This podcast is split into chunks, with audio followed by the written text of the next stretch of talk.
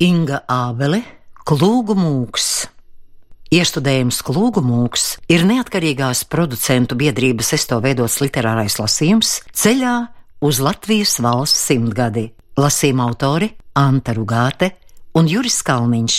2017. gada ieraksts. Romāna radiolasījumā darbojas Anta Rugāte, Uldis Anže, Daiga Kažociņa, Jānis Kirmuška, Akvelīna Līumane. Septītais lasījums.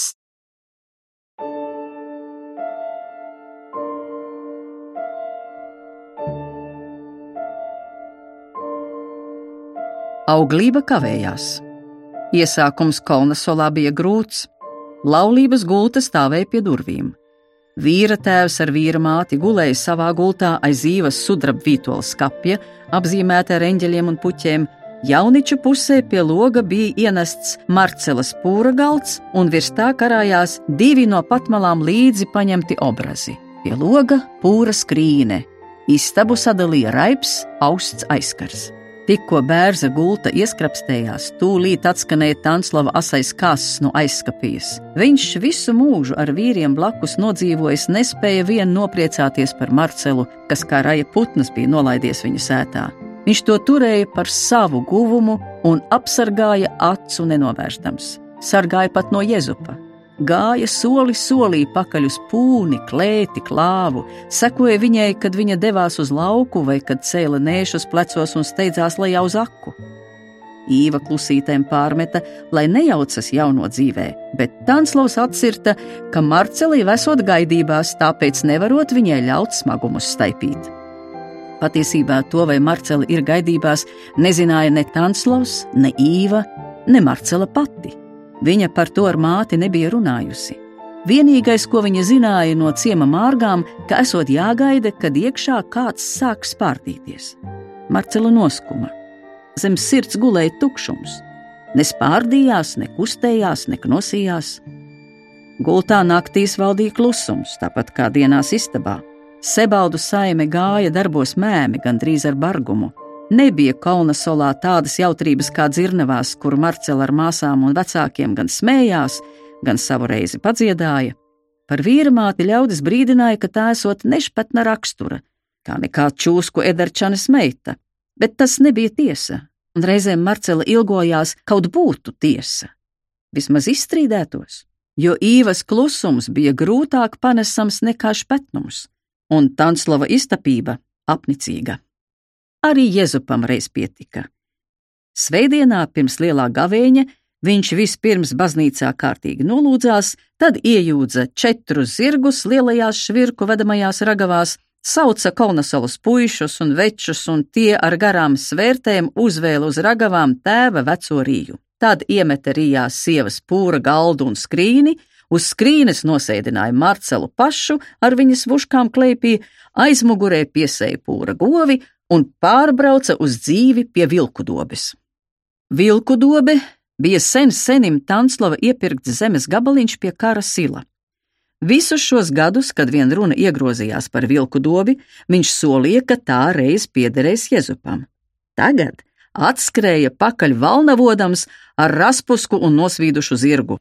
Tā un tā, kas ļāvis Jezupam patvaļīgi pamest kolnasolu un pārvest Riju uz citu vietu, kurš sebaldiem vecumā palīdzēšot. Tēvs uz Jēzupu un Marceli cerējis, vai tad klausības nemaz vairs nesot katvaju maķi? Rupuči našķeistī! Jaunie skatījās Tanslavam pretī spožām zilām acīm un ļāva tēvam izkliekties. Tas jau bija aiz žēluma, ne aiz ļaunuma, tik daudz viņi saprata, bet vai viņi drīkstēja žēlojot vecākus, upurēt savu dzīvi? Tanslavs aizbrauca mājās neko nepanācis. Ja brāļiem bija tiesības uz savu dzīvi, tad Jēzupam arī. Tāds bija Jēzupa uzskats. Pats man ieaudzināja pašcieņu un nepavaldību. Tad par ko tu tagad sirdies? Jēzupa cietākais arguments bija brālis Francis. Francim liktenis bija lēmis augstas skolas, bet Jēzus gribēja sev izcīnīt debesis, un ne jau pēc nāves, tagad un tūlīt dzīves laikā. Debesis turēja putnus spārnos, tad kāpēc gan tās nevarēja noturēt cilvēku?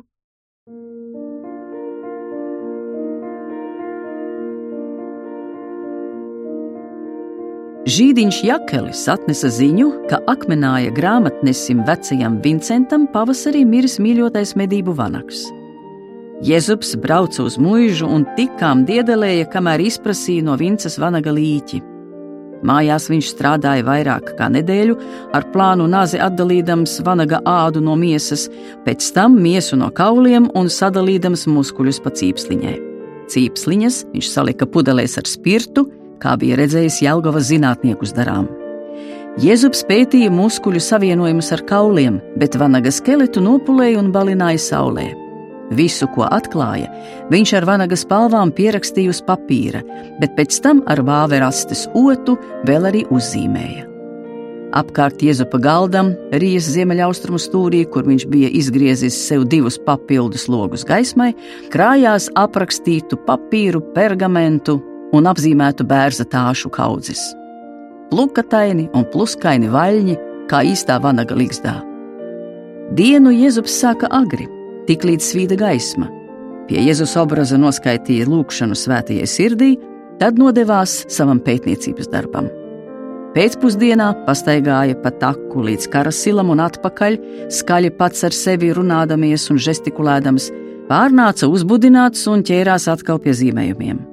Kad Marcela reizēm prasīja, ko viņš tur dara, Jēzus rādīja viņai savas skices. Marcelā plūkojas pārnota cilvēka zīmējumus un šaubīgi vīpsnāja. Tas nav iespējams. Cilvēks var visu, tikai neskraidīt pa gaisu. Un kā tad putni var? Kamēr Jēzus pētīja vanaga skeletu un zīmēja spārnus, Marcela strādāja vaigas viedros. Nolikdams kulu pie vilku dobes, Jēzus bija izgriezis tajā trūkstošus logus, izcirtis durvis, rīs vidū samūrējis cepli un skursteni, pielabojis cisu jumtu, bet tas arī bija viss. No ārpuses rīja izskatījās pēc atbaidoša grausta, bet iekšpusē bija mājīgi, par to parūpējās Marcela. Vasaras ritēja, un pamazām viņa iedzīvojās. Togad ap lieldienām Marcela sajūta sevī tādu kā olūtu, lāgiem papulsējam. Pirmo reizi tas notika pāris stundu pēc došanās pie miera. Viņa atvēra acis. Lielajā telpā ar zemajiem griestiem bija vēsīgi un drēgaini. Brīdi viņa domāja, ka tumsā pieskāries sikspārnis. Blakus rokas kā spārnus uz abām pusēm atmetis mierīgi elpoja Jēzus. Tad Marcela saprata, kāds ir pieskāries no viņas pašas iekšpuses. Tur bija būtne, kas ar maziem pirkstiem aptaustīja savas pasaules robežas. Šīs būtnes pasaules robežas bija Marcela. Viņa turpināja dzīvot ar noslēpumu. Tikai Jēzupu uzskatot ar vien vairāk smaidīt, viņai gribējās. Redzot šo urķi, kura prāts nelikās mierā ne dienu, ne nakti. Mūžīgo dzinēju viņš meklēja, veidu, kā dubļus pārvērst alvā, debešus gribēja pāršķirstīt kā grāmatu, atrast apslēpto jēgu. Bet jēga, nu zināja Marcela, ārpusē neusturas.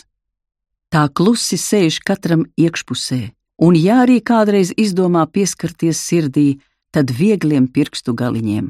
Bērns tiek iedēstīts, lai cilvēki neaizmirstu, ka jēga ir iekšpusē lai sieviete ar šo ziņu padalītos pasaulē, lai brīdinātu no aizraušanās ar ārpusi. Bet Marcela neteica neko, viņa nezināja, kā pateikt. Jēzus zāģēja un kala, kniedēja un līmēja un rāpās karasila eglēs, kuras laidāka tā bija viņējā. Marcelē vajadzēja pieturēt kaņepāju virvē piesietos spārnus un raudzīties, lai tie neaizķeras eglis zaros. Jēzus uzvilka tos augšā, piestiprināja sev, un pēc īsa laika šaltiņas jau viss bija beidzies. Kārtējie spārni sasisti lupatās, bet Jēzus stenēja sūnās. Viņš visu laiku bija nobrāzies, apsities, noraizējies, vai tāds cilvēks varēja par saimniecību gādāt? Badainajos pavasaros, kad visi knapi vilka pliko dzīvību, arī vilki bija nikni, kā bites bez ienesuma. Jēzupa un Marcelas jaunajā mājvietā atsevišķa klāva nebija. Vecā rīja tika sadalīta ar sienu, un aiz šīs sienas gremoja, bauroja un klusi nopūtās viņu lopiņi. Vilki ar asiem zobiem saplēsa paviļas, izdzina eju cauri pamatiem un aiznesa suņus, jērus un sivēnus.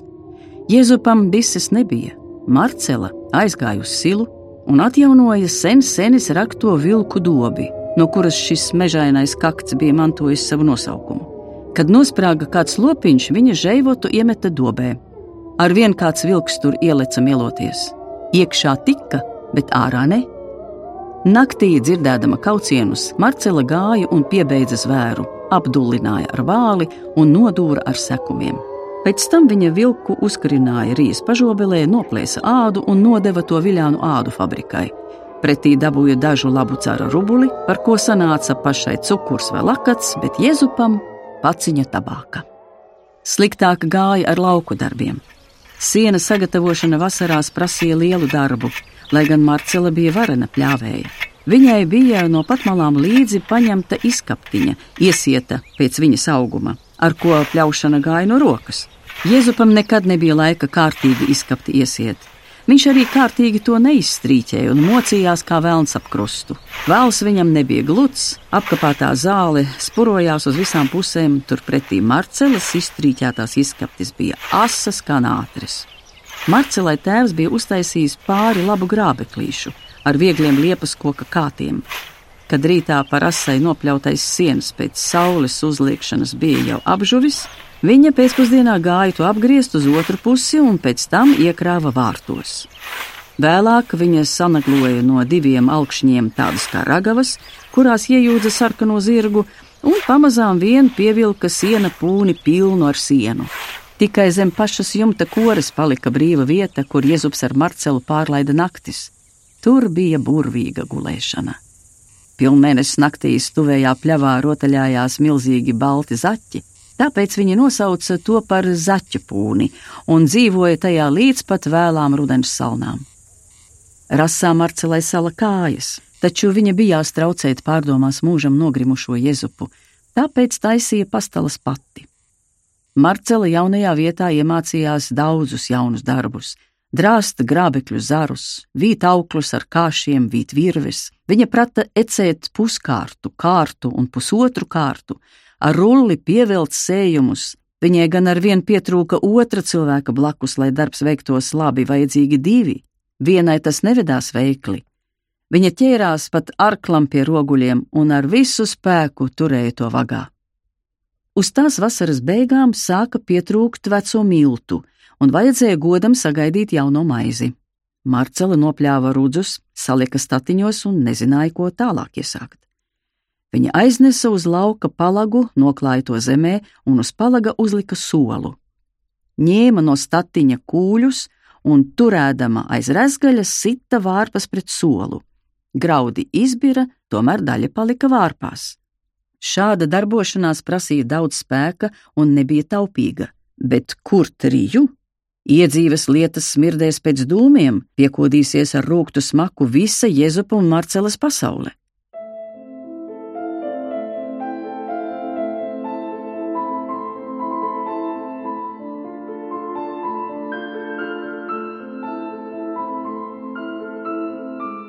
Bet vai tad viņiem bija kāda kopīga pasaule?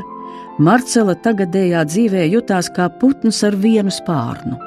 Jēzus staigāja apkārt, domās iegrimis, reizēm runādamies ar neredzamu oponentu, acis debesīs iegrūdis, vai viņš vispār pamanīs dūmu smaku zaķu pūnē dzīvodams. Labi, ja pamana, ka Marcela pa nakti blakus. To gan pamana, nevar noliegt. Pievelkas pie Marcelas kā magnēts, kā vītenis miegā apvijas, no rīta uz klāvu ceļoties ilgi jātinas vaļā. Ja vairs nav mīlības, tad labāk, lai top maize, nolēma Marcela. Viņa gāja uz māju un sāka rakt bedri Rīgas dienvidu austrumu stūrī. Ierakusies līdz viduklim, atrada mālus, sarkanus un valkanus kā miesa. Tā bija laba zīme. Māli noderēja gan celtniecībai, gan ārstniecībai, Marcela no tiem iemācīsies pataisīt traukus. Pirmos izžuvušos statiņus Marcela saveda Rijā un aizskūra bedrē ierīkoto rijas cepli. Durvis aiztaisījusi, viņa gaidīja ārā, kad rudzi izžūs. Nākdams no savas pastaigu takas tādu viņu tur ieraudzīja Jēzus. Viņas pēdas bija zaļganu sūnu apaugušas un cietas kā klons, stilbi brūni un saskrāpēti, plecu muskuļi kā akmeņi, vēders milzīga un apaļa zemeslode, bet klēpī saliktās savilktās dūris viegli trīsēja. Jēzus pēkšņi nesaprata, vai tas bija tas pats cilvēks, ko viņš pirms gadiem apprecēja. Viņa bija stipra, šī vilku dobes Marcela, bet pavisam cita. Nevairs tā staltā lepnā patmalu meiča ar bīdeļu miltu bālo ādu. Viņas elpa vairs nesmaržoja pēc rozmarīna un vaivariņiem, bet pēc karsta piena un dūmiem, arī drēbes asitvanēja pēc sviedriem un dienvidus saules.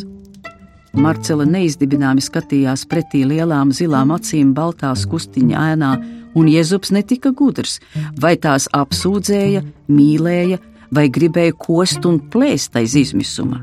Viņš baidījās tuvoties šai būtnei, atmeta ar roku un ielīda pūnē pie saviem spārnu rasējumiem. Kad rudzi bija izkaltuši, Marcela tos izklāja uz māla klona un izkūla ar spriguļiem, kuru viņai bija veseli trīs, pēc lieluma un vajadzības. Labību vajadzēja attīrīt, Viņa atvēra durvis uz abām pusēm, bēra graudus milzīgā sietā, kas karājās rijas vidū, un caurvējā to lēni kustināja. Graudi bira zemē, pelavas vējš nesa ārā. Marcela stāvēja uz vietas, ieklausīdamās savā smagi piebriedušajā vēderā, un domāja par dzīvi. Tur vēderā ar vien retāk kāds sakustējās, kā pārmestams Marcelai pārlieku aizrautību ar darbu. Aizķērusies, sapinusies savās domās, Viņa stāvēja labu brīdi nekustīgi.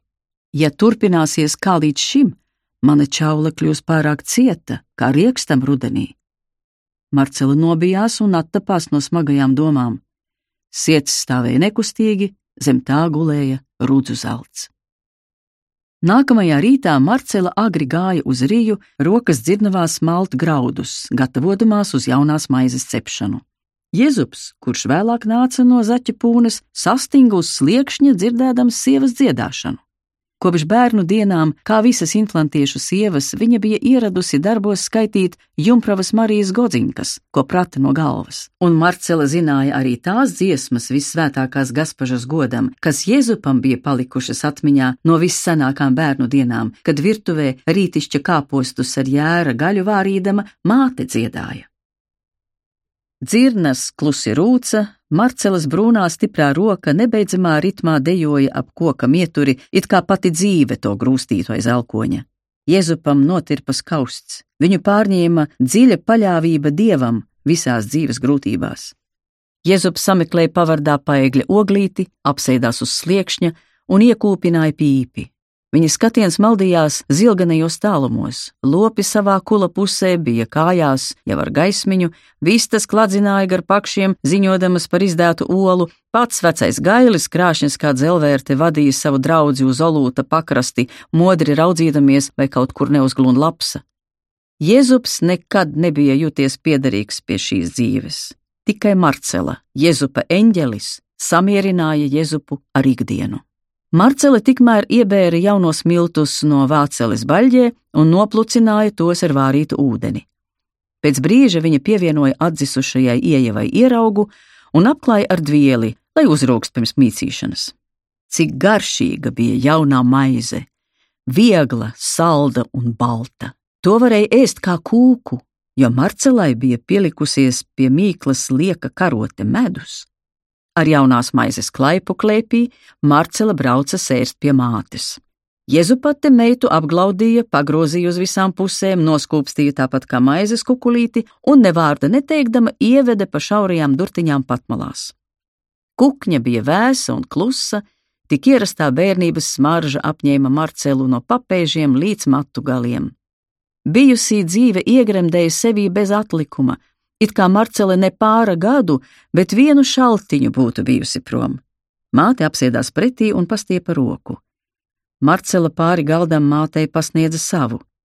Pārlaidusi pirkstu galus Marcelas sastrādātajai plaukstai, Jēzu pati sāka kliegt. Našķeists! Nokātavojas mūsu meitu! Rēkšana un šķendēšanās dubultojās, trīskāršojās ar katru jaunpienākušo ģimenes locekli un pieņēmās sparā. Uzstājīgi tincināta Marcela aprautiem vārdiem beidzot visu izstāstīja. Par savu dienas darbu un jaunām prasmēm, arī par Jēzupa aizraušanos ar spārniem izstāstīja. Pie dzimšanas nav apcirsti tur tā vaina. Paga, es protu tādas vainas ārstēt, gan viņam izsvīdīs žāklis, kā suna aiztriekš atpakaļ pie vecā Tanclova, un tu vairs vilku dobē kāju nespersi. Atradis glupēt, ko strādināt. Te nu Marcela krita tēvam pie kājām, apskāva viņa ceļgalus un solīja lēkt dzirnavu operā, ja povuls savus draudus izpildītu. Viņai strādāšana nesot par grūtu, jo viņa Jezupu mīļojot. Vienīgās rūpes man ir par manu mazo eņģelīti, kas tur iekšā kust. Darba tik daudz, ka nekad neatliek laika viņu dabūt ārā. Tā nu viņš man tur pāraugs kā pērnais kāposts, un vairs negribēs nākt, it īpaši, kad apkārt būs ziema. Māte meitu nomierināja, ka tur iekšā neviens vēl nav palicis. Jēzu pati lika Marcelai apzvērēt, ka tā necels vairs smagumus, pati neārs, nesēs un nēcēs līdz radībām, ko Marcele arī domīgi apsolīja. Tikai mājās braucot un atminoties visu vecāku mājā piedzīvoto, viņa nobrīnījās, a kurš tad manā vietā to visu darīs? Ovuls mazliet atveisis no dusmām, izprašņāja meitu par sadzīves lietām. Cik kumeļu šajā pavasarī atskrējis un cik teļu, cik plēsumu, tīrumu un atmatu vilku dobē, pie kura kaļva kaļot zirgus. Taisīsim jaunu klāvu pēc rudens darbu beigšanas. No akmeņiem! No akmeņiem? Pat mums nav akmeņu klāva. Kur no Jēzus ar tiem vārgajiem pleciem uztaisīs akmeņu klāvu? Būs jāiet palīgā. Gan jau tēvs mēs paši. Vīram Marcela par zemes lietām neko nestāstīja, jo viņi parasti mēdza runāt tikai par debesīm, tikai par sapņiem, par laišanos sapņos vai par putniem. Marcela pieklājīgi nosveicināja labas dienas no tēva un mātes. Pēc rudenājiem viņa viena pati sāka lasīt akmeņus pa vecainiem un tīrumiem, silā un pļavās un lielā riesnas ceļa malā. Mazākos veda pagalmā krāva kaudzē, lielākos apsedza ar līduma celmiem, ko aizdedzināja. Pēc celmu izdegšanas veda no olūta ūdens kublu un aplēja nokveldētos milzeņus ar ledainu šalti. Tie ievaidējās un kā asās sāpēs ar lielu troksni šņāgdami šķēlās lielākos un mazākos gabalos, pretodamies laika varai, kas to miesu bija samīcījuši neaizskaramā cietībā. Tā reiz pie kara sila, sīkas vizlas plēksnītes gaisā mētādams, Marcels priekšā sasprāga liels laukakmens, sausi nokūpot un nosmirdot pēc karsta pulvera. Kad akmens drumslas krita atpakaļ uz zemes, tās nenosēdās viss, bet palika gaiši dejojam gaisā. Marcela atgāza galvu un ar cūkādas kulaini noslaucīja pilošo padeguni. Uz viņas skropstām nolaidās pārslas.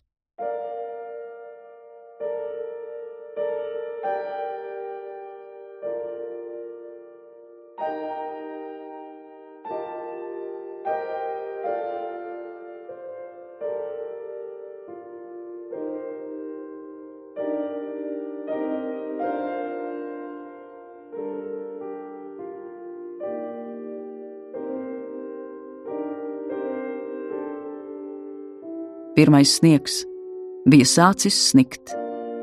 Paldies Dievam! Drīz varēs akmeņus vēl tragavās, viņa nodomāja.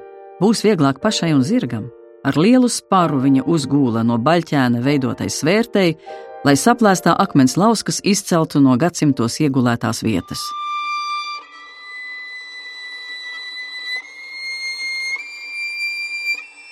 Tajā brīdī viņa juta pār augumu noskrienam zipšņa spērienu, Tā viņa domāja par neikdienišķo sāpi, kas pāršķēla viņu uz pusēm, kā saltais ūdens pirmīt karsto akmeni. Kaut debesis virs viņas bija vēsas un lēzenas, pavisam bez nelaika mākoņiem. Viņa nokrita ceļos un sagrāba savu sprākli. Kāds izmantoja šo skaudro sāpju mirkli un atbrīvojās no viņas. Noģērba Marcelu no sevis kā kreklu, viegli un gludi izslīdēja sūnās, kā silts čūskulēns caur kaula bārtiņiem. Zem smagās vilnas snātenes ikdienā valkāt apakšbikses nebija nekādas vajadzības, tas bija tikai godu apģērbs. Marcela it labi iztika ar plāniem, kupliem linu apakšbrunčiem pat ziemas laikā, tāpēc mazajam čūskulēnam nebija nekādu šķēršļu tūlīt pēc izkļūšanas no Marcelas ķermeņa nogult uz zemes. Saņēmis tās ledaino cieto pieskārienu, viņš tūlīt atpleta muti un sāka sparīgi brēkt sīkā, bet spalgā balstiņā. Marcela sākumā neaptvēra, kas par lietu, dzirdēdama zem sevis kā kaķēnu pīkstam. Tad viņa pieliecās un atlocīja brunčus, vispirms lielos un smagos, tad vieglos un baltos. Atlocīja kā puķa ziedlapas kārtu pa kārtai un lūrēja sev zem kājām. Tur uz sasalušās zemes gulēja mazs mazītiņš cilvēciņš, iesaiņots baltā šalka aploksnē un ņipri kliedza, bet Marcelas zābaki kūpēja līdz stūmiem pilni ar karstiem augļa ūdeņiem. Viņa pacēla savu bērniņu un paslēpa kažuciņā uz krūtīm, iesēdās ratos un ar vienu roku turēdama bērnu, ar otru satvērusi grožus, uzšmilkstināja sarķim, lai velk uz māju. Galva Marcelai viegli reiba, kā pēc laišanās sapnī. Būs jāmēģina aprakstīt šo sajūtu Jēzupam, viņa vēl nodomāja. Bērnam bija savādas rokas, gluži kā baltos cimdos tērptas plaukstas, nez uz ko tas. Marcela nezināja. Smalki pirkstiņi, kā pieniņu stiebriņi, tikai to galos nebija pūkas, bet asi nagi kā vanagam. Viņš kužinājās uz Marcelas krūtīm pa krekliem un apakškrekliem, kamēr atrada krūti. Marcela iekļiedzās, kad viņš satvēra krūts galu ar spēcīgajām smaganām un vairs nelaida vaļā.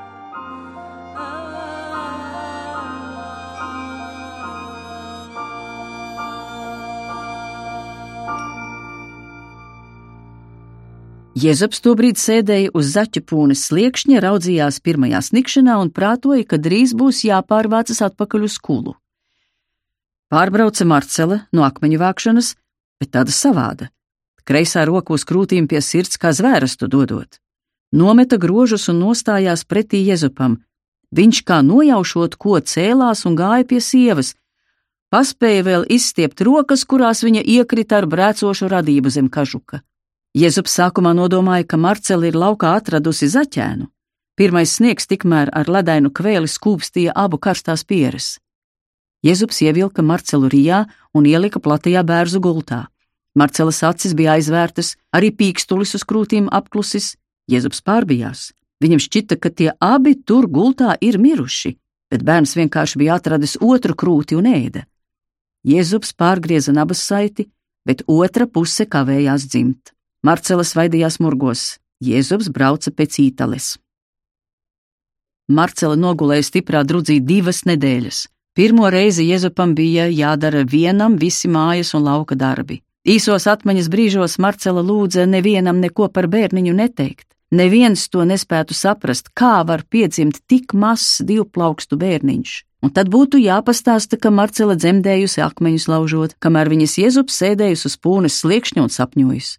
Tēvs kliegtu un vicinātos ar pīckām, Marcela negribēja neko tādu piedzīvot. Lai bērniņš apveļoties, tad rādīšot radiniekiem.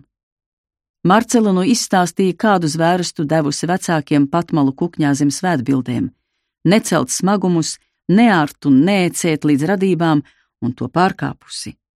Ja mazais bērniņš neizdzīvos, tā būšot viņas vaina līdz kapa malai, tā viņa domāja un raudāja, kamēr noraudājās līdz bezspēkam. Jēzus pārdzīvoja notikušo, nekur nerada mieru. Viņš klejoja pa sētu un uzlūkoja visu jaunām acīm. Nebija jau slikta viņu iedzīve, tomēr visur varēja pamanīt, ka darbus darījusi sieviete, lai arī cietām un prasmīgām, bet sievietes rokām. Te naglas galva bija izlīdusi sienas ārpusē, te plaukts šķībi pienaglots, cūču silis un ozdaras šā tā sametinātas, lauks sārts nevis taisni, bet caku cakām, satamborēts kā spicis. Viņam saskrēja asaras acīs, un debesu dullums nobira no tām kā zvīņas. Skats piepieši kļuva gaišs un skaidrs, kā viņš bija mocījis savu sievu, un pie tam, kad viņa taču bija gaidībās. Vainā kungstēdams, viņš gāja atpakaļ uz rīju, kur blakus Marcelē platajā bērzu gultā gulēja viņa divplaukstu dēls. Marcela murgos skaļi un nemierīgi svaidījās, Bērniņš brēca ik pēc laika šaltiņas. Jēzupa pienākums bija to attīt un ielikt starp Marcelas krūtīm. Nebūdams lielāks par tām, bērniņš locījās kā tārpiņš, kamēr atrada krūtsgalu un sāka zīst. Sākumā Jēzus viņu ņēma ārā no tās pašas baltās, zelkša olē līdzīgās aploksnes, kur viņu bija atradis, un lika tajā atkal atpakaļ. Bet vēlāk tā kļuva cieta, gandrīz caurspīdīga, kā tauriņa spārni, un draudēja pirkstos sabirst, tāpēc Jēzus to noglabāja Marcelas pūras krīnas dibenā, bet bērniņu sāka tīt palaciņā. Reizēm pēc barošanas viņš to ilgi aplūkoja. Viņā mīlība un bailes mijās ar apbrīnu. Tas bija ļoti maziņš, bet īsts bērniņš. Par to nevarēja būt šaubu, cik prasmīgs bija debesu tēvs. Šīs sīkās, ar gudru ziņu darinātās detaļas, tik veikli sastiprinātas kopīgā mehānismā, Jau putnu skeletos Jēzus bija to apbrīnojis un nemākulīgi centies atdarināt. Blakus debesu tēvam Jēzus bija nožēlojams diletants, iepratī radītājam mazdūšīgs pazudinātājs.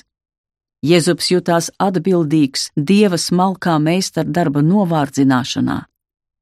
Kad Marcela pēc pāris nedēļām atkopās un varēja doties uz pirti, Jēzus izbraucīja viņas vēderu un muguru ar lineļu, bērza viņas pēdas un rokas ar šūnakmeni, un pēc pirts viņi sēdēja kā divi kūpoši ceri zem pelēkā draunicu jumta un lūkodamies, kā tālajos laukos snieg, runāja par sava dēla nākotni. Sauksim viņu par Jēzupu otro.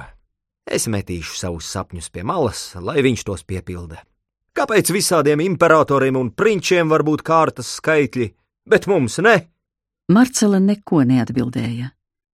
Viņa prātoja, vai cilvēkam ar kārtas skaitli var būt laimīgs un pašam savs liktenis, un vai laišanās pa gaisiem ir laimīga dzīve, bet skaļa viņa bijās vīram iebilst. Spārni man nedodas rokā, ķeršos pie arkla. Uzcelsim kārtīgus kārmus, rūpēšos par zirgiem, lopiem un laukiem. Galu galā mēs taču esam no sebaldiem un pedeļiem, nevaram dzīvot kā kaut kādi bobuļi. Tam gan Marcela piekrita ar visu sirdi. Dzemdinātāju ierādītā taka nebija pārminama kaut mirsti. Sētmaļu latiņa bija uzcelta augstu, un vienatnē to nevarēja pārliekt. Visas nepilnības saimniekošanā viņai jau sen dūrās sirdī kā asi rožu ērkšķi. Pārbiedēta par pirmdzimtā sarežģītajām radībām, Marcela mazo dēliņu veltīja dievmātes gādībai. Ziemassvētkos aiznes bērnu uz baznīcu, un nolika uz dievmātes altāra, lūdzot debesu aizstāvību. Dievmāte nebija dusmīga, tomēr vairāk bērnu Marcelas gādībai neusticēja. Bet Jēzus, Jēzus savus pēdējos spārnus pienagloja pie koka krusta un pa virsmu tiem uzsprauda no klūgām sapītu Kristus mocekļa tēlu. Tā sanāca savāda mūka, nekur neredzēta, ar spārniem, bet Jēzus atstāja kāda ir Kurš gan var apzvērēt, ka Jēzum nav bijuši spārni? Kā tad viņš tika debesīs, tēvam pie labās rokas? Vietā, kur no lielā ceļa atdalījās vilku dobes taka, viņš ieraka savu spārnoto krucifiksu un uzbūvēja tam virs galvas jumtiņu. Sētiņu izkaldināja pie Kolnesolas kaļva un soliņus iztēsa no apses. Marcela lokā sastādīja puķes pateicībā tam kungam par izglābto dēlu, un kad rietuma pusē vakars pie apvāršņa plaucēja sarkana saulrieta magoni, melnais smalki knipelētais plūgu krists, grezni ēnojās pret rūsainajām debesīm. Pilnmēnesis naktīs, kad vēja pūsma lēni nesa cauri liepu virzītas stumbriem sudabrotas pieneņpūkas, tās nosēdās uz mūkas pārniem un skaisti mirdzēja kā jāņtārpiņi.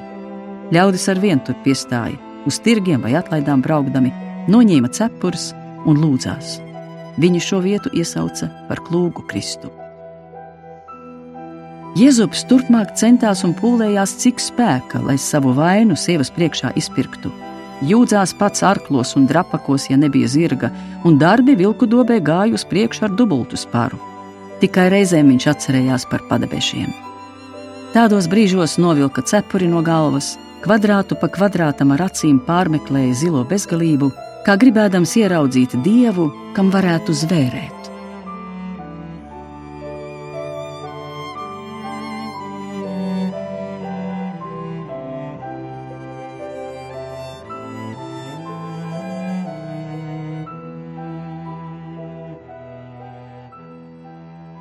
Akmenāja mūžas īpašnieks Modests Fondroškrancis Pāvs, sava tēva un vectēva likumīgs pēctecis, ar sirdi un dvēseli bija vēl apgaismības laikmeta auglis, kurš nespēja noticēt, ka apgaismotā pasaulē ir iespējams kaut kas tik našķēsts, kā piemēram Napoleons Bonaparts. Modests svēti ticēja, ka zināšanas nāk par labu ikvienam cilvēkam un pat zemniekam. Tiesa gan pašam modestam ik pa laikam gadījās kāda nekrietnība vai izgājiens, kā to delikāti sauca plecīgais muižas voits Stompaks, palīdzēdams vecajam grāfam sabāzt galus ūdenī. Viņa kungs bija pārliecināts, ka ikvienā situācijā jārīkojas pēc vajadzības. Jādod ķeizaram tas, kas ķeizaram pienākas, un dievam tas, kas dievam pienākas, un ka baznīcā dievs redz, bet ārpus tās ir akls, ka pilī ķeizars dzird, bet ārpus pils ir kurls. Proti, ka tikai laukam ir acis, mežam ausis, bet cilvēku pasaulē nāk atklātībā tas, kas nav labi noslēpts.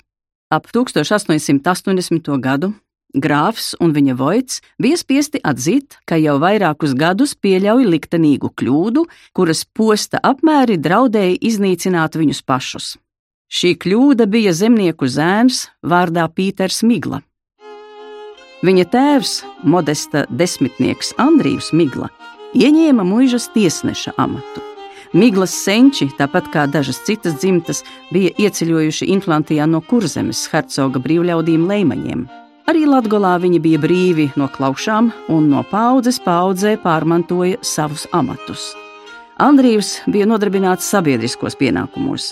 Būdams kā uzbūrts uz grāmatām un rakstiem, ar modesta atļāvi savā dzimtajā Miglas solā jau 1860. gadā bija uzcēlis jaunu skolas namu, vienu no pirmajām Vitebskiešos. Sākumā to sauca par Miglas Rogovkas draugu skolu, bet jau sešus gadus vēlāk par Akmenāja pagastu skolu. Vienīgi Anrīvam, kā kunga desmitniekam, bija tiesības celt skolas namu vēl pirms dzimtbūšanas atcelšanas. Tādas tiesības visā Inflantijā bija vēl dažiem, bet retais tās izmantoja.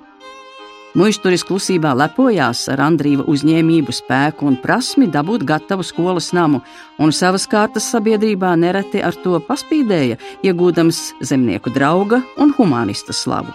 Saka, būtu jums tādi apgaismoti zemnieki kā manējie, velti jūs no viņiem baidāties. Akmenāja modestam bija nelāga indeve, kopā ar saviem kurtiem klīst gar zemnieku sētām, nolūkoties to sadzīvē un noklausīties sarunās. Viņš mēdza klejot apkārt dienās un pilnmēnesis naktīs, ieskatīties apkvēpušos lodziņos, pats apgalvodams, ka tādās pastaigās prātojot, kā padarīt zemnieku dzīvi labāku. Īstenībā viņš sadomāja arvien jaunus muļķīgus ierobežojumus vai everģēlības, nojaukt kādu sētu, sadalīt kādu šņori, pārbaidīt no pirts nākošas kūpošas jaunas mārgas, kuras aizspurdze no viņa kā ierabes vakara miglā. Cieši iepogājies tumšzaļā gabardīna biņģukā, kā senā operas priekškarā ar pabalējušām locījuma vietām, tievs un garš kā zīmulis, ar nokaranām sirmi, pinkainām izacīm un matu ērkuli zem mednieka hūtītes, ar neiztrūkstošo tēva blisi kamiesē, Viņš bija zemnieku dzīves īsta, klīstoša akmenāja sērga. Viņa kurti ar vienu nokoda zemniekiem kādu suni, vušku vai vismaz vistu.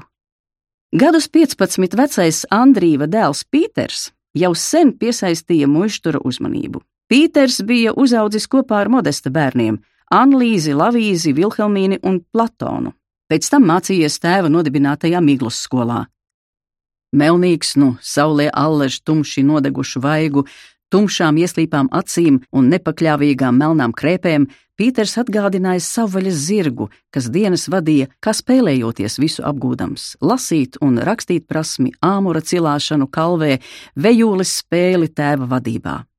Modests viņu apveltīja ar īpašu uzmanību citu bērnu starpā, vēl jo vairāk tāpēc, ka paša Platons bija atsities neirastēniskajā Natālijā, ko Modests bija aprecējis, lai saradotos ar Mogiļevas Ušakoviem un iegūtu vēl dažas pūra muižas un faļvorkas pie lielā pūra.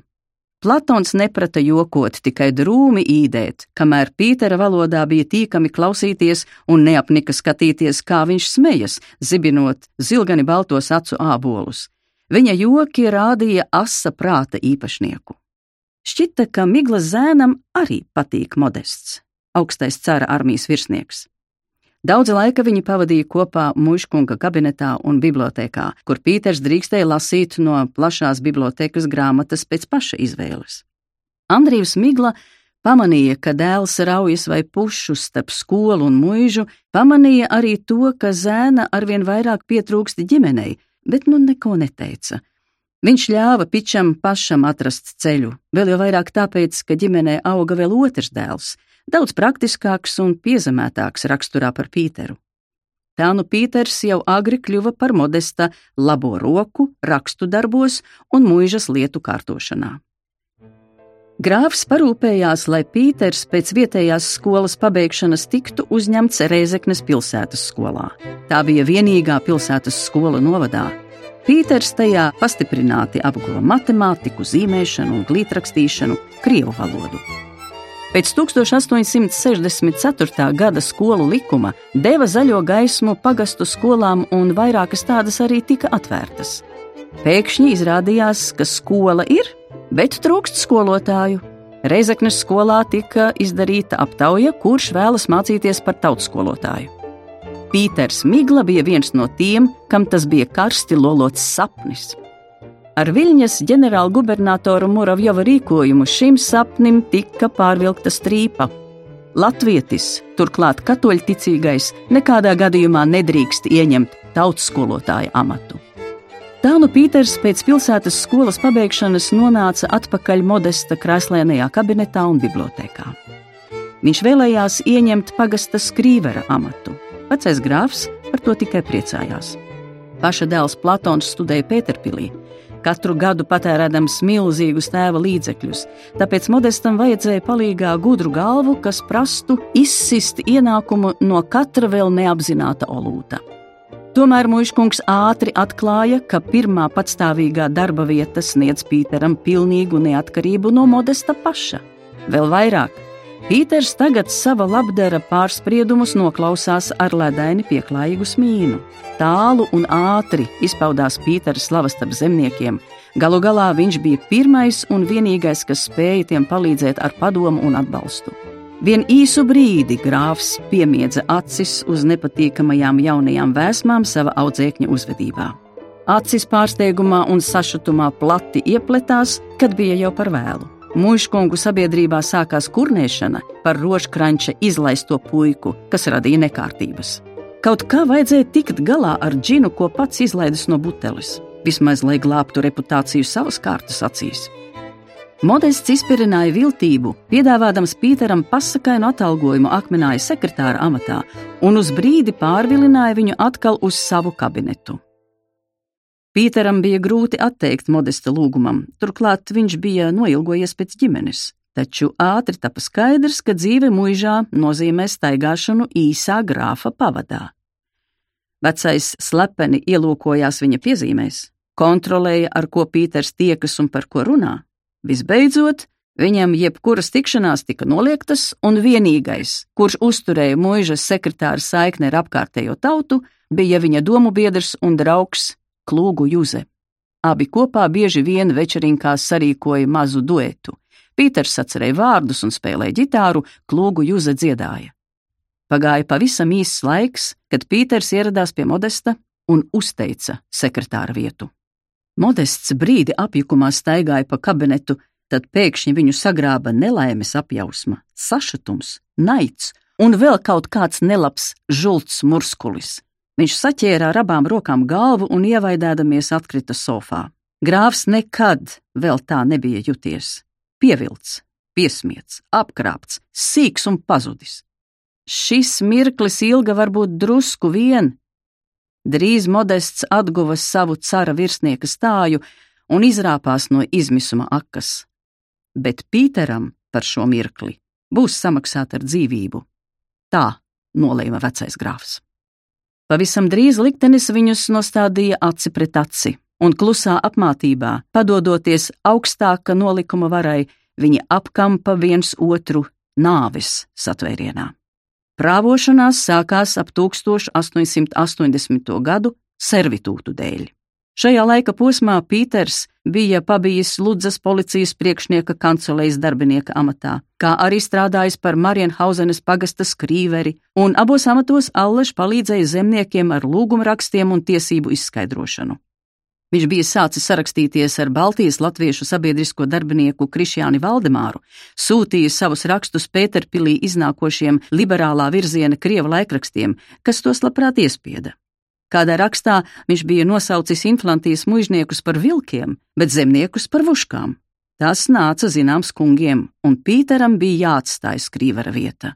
Viņš atgriezās dzimtajā sētā, taču bez nodarbošanās nesēdēja. Zemnieki nāca pie viņa ar dažādām likstām, viņš tulkoja tiem likumus, sniedza paskaidrojumus un rakstīja lūgumu rakstus viņu vārdā.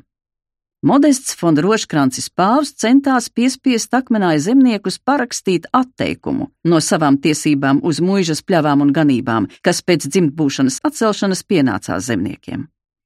Pīters aprunājās ar tautas brāļiem un iesūdzēja modestu tiesā, kurā kāds nebijas pavērsiens inflantijas vēsturē uzvarēja.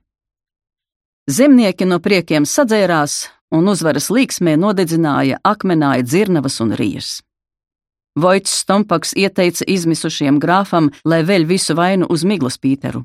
Tā arī tika izdarīts. Kādu nakti pēc Pītera atnāca žandarmi un piesēja pie ragavām. Basām kājām viņš skrēja tām blakus pa ledainu ceļu, pēc tam tika iemests Ludzas cietuma visšaurākajā kamerā, kur pat pakustēties bija grūti. Nespēdams rakstīt sūdzības un atbrīvošanas lūgumus ar sasietām rokām, Pīters satvēra zīmoli kāju pirkstos un rakstīja ar pēdām. Pītera draugi, kas bija palikuši brīvībā, rīkoja plašus zemnieku nemierus viņa atbalstam. Ludzā pie cietuma priekšnieka ieradās delegācija pēc delegācijas, tāpat arī Krievu varas iestādēs. Pēc 11 mēnešiem Pīteru no cietuma atbrīvoja. Modests tikmēr bija pārsūdzējis pļavu un ganību servitūtu lietu. Zemniekus notiesāja un lika tiem maksāt soda naudu. Modests pats kopā ar žandarmiem ieradās solās, lai iekasētu soda naudu. Bet tur viņus jau gaidīja pulki jaunu, skaistu, saposušos meiteņu. Viņas pēkšņi sāka mest cara virsniekam un žandarmiem acīs pelnus. Izrādījās, ka Pīters, viņus gaidīdams, ciema puišus ir pārģērbis par sievietēm. Šaudīdamies un pēkšņā aklībā streipuļodami, žandarmi kopā ar grāfu atstāja mierā zemniekus. Pīters no jauna iesūdzēja savu bijušo labdari tiesā. Tiesas dienā viņš tiesas zālē ieradās kopā ar lielu skaitu zemnieku. Tiesas sastāvs bija pilnīgi jauns, tāds, ko Roškrancis pāvs vēl nebija paspējis pazeltīt. Tiesas lēmums sagrāva modestu. Miglas Pīters tika attaisnots, bet fonda Roškrancis pāvs tiesas zālē degradēts. Viņam turpat uz vietas noplēsa cara armijas virsnieka uzplečus. Atgriezušies no tiesas, abi pretinieki iegūla gultās. Modests von Roškrancis pāvs sajuka prātā un drīz nomira, acis pret sienu valbīdams un siekalas trakā niknumā šķiesdams, taču arī Miglas Pīters no Ludzas cietuma bija iznācis ar sukotu sākuma stadijā, un pēc tiesas viņa stāvoklis par spīti līksmībai un uzvarai pasliktinājās, arī viņš nomira. Pie Modesta izsauca viņa dēlu Platonu no Pēterpils. Savā mūžīgajā tūlībā dēls nepaspēja ierasties, kamēr tēvs vēl bija pie dzīvības. Pie Pītera nāves gultas stāvēja vecais labais baznīcas kungs Dominikus. Vēl ieradās kāda zemnieku delegācija pēc padoma, bet atrada savu aizstāvi jau mirušu. Tas notika sveča mēneša beigās, jau vairākas nedēļas turējās stiprs sals. Kapu dobi izkala desmitnieku kapos akmenāja dzimtas kapos, aiz ķēžu sētas izkala kapu modestam. Diez zina, vai zem zemes savos šķirstos abi pretinieki nesagriezās ar sejām viens pret otru, lai cauri laikam un telpai turpinātu cīnīties par vietu zem saules. Viņi abi bija karotāji par savu taisnību. Tiesa gan, Modests nebija neko dzirdējis par Miglas tēva tēvu, veco Indriķa Miglu. Ja būtu zinājis, varbūt rīkotos piesardzīgāk. Zemnieku bunta laikā Jaunvebros Indriķis bijis viens no barvežiem, kurš uzsācis nemierus, vedis zemnieku baru pret muižas dzīvojamo ēku, lai nosistu adjunktu Transseu, metis ar koku uz kazāku un trāpījis krūtīs, saķerts ar pielādētu plinti, pie tam turējies pretim, un beigās kopā ar 108 citiem vietējiem iedzīvotājiem dzīts caur barona pālena stroju. Tā nebija sodīšana, bet kaušana. Kādu 12, 13 gadu vecu puišeli tik dikti sita, ka ir pieaudzis nespētu izturēt. Nespēcīgai vecinītai uzskaitīs simt koku. Kādu vecīti dzina caur stroju divas reizes, bet viņš to vienu jau neizturēja. Zaldāti uzlika viņu uz ritiņiem un vilka nomirušu. Bet virsnieki staigāja zaldātiem no pakaļas ar krītu rokā un uzvilka krustu uz muguras tiem, kas neiesita vai iesita gļēvi. Tos turpat stiepa gar zemi un pašu spēra. Indriķis Migla bija veco laiku kaluma vīrs. Nesāja uz pakauša sapītu bizi. Indriķis izgāja caur stroju un neiekļēdzās. Viņu izdzina cauri trīs reizes. Viņu un dažus citus sita bargāk par visiem. Un viņš trīs reizes neiekļēdzās, neievaidējās, tik par katru sitienu nodrebēja. Viņš gāja modri, taisni, mērītiem soļiem, un zaldātu rindu galos apgriezās ātri un pēkšņi. Tik trešo reizi sāka mesties bāls, izgājis cauri, apstājās. Zemnieki atnesa viņa kreklu, zaldāti gribēja viņam to uzvilkt, bet viņš to atņēma. Indriķa mugura bija sasista līdz kauliem. Viņš neļāva nevienam to iesmērēt ar ārstniecisku zalvi. Pats apraustīja savus ādas gabalus, kas kā lupatas vēl karājās uz pleciem. Izdzēris ķipi ūdens, viņš pārmeta sev krustu, apsvētīja ar krustu arī savu kreklu un tad pats uzvilka mugurā. Tāds bija Indriķis Migla. Viņa mazdēls Pīters, trakais no Rogovkas, gudrais no Marienhausenes, tālredzīgais no Makašāniem, uzvarētājs no Ludzas, zinātnākais no Riasnas, vēsturnieks no Drisas, saviem pēcnākamiem atstāja desmit baušļus. Cīnēties par taisnību, palikt uzticīgiem savai dzimtenei un nanūkleist svešumā, atgūt atpakaļ atņemtu zemi, sniegtīs pēc gora gaismas, censties pēc saimistiskos nosastiprinošanos, turēties kopā, ja būt vienotiem, palikt pie saviem tikumiem un tradīcijām, lietot dzimto valodu, stingri turēties pie savas ticības, ticēt labākai tautas būtībā.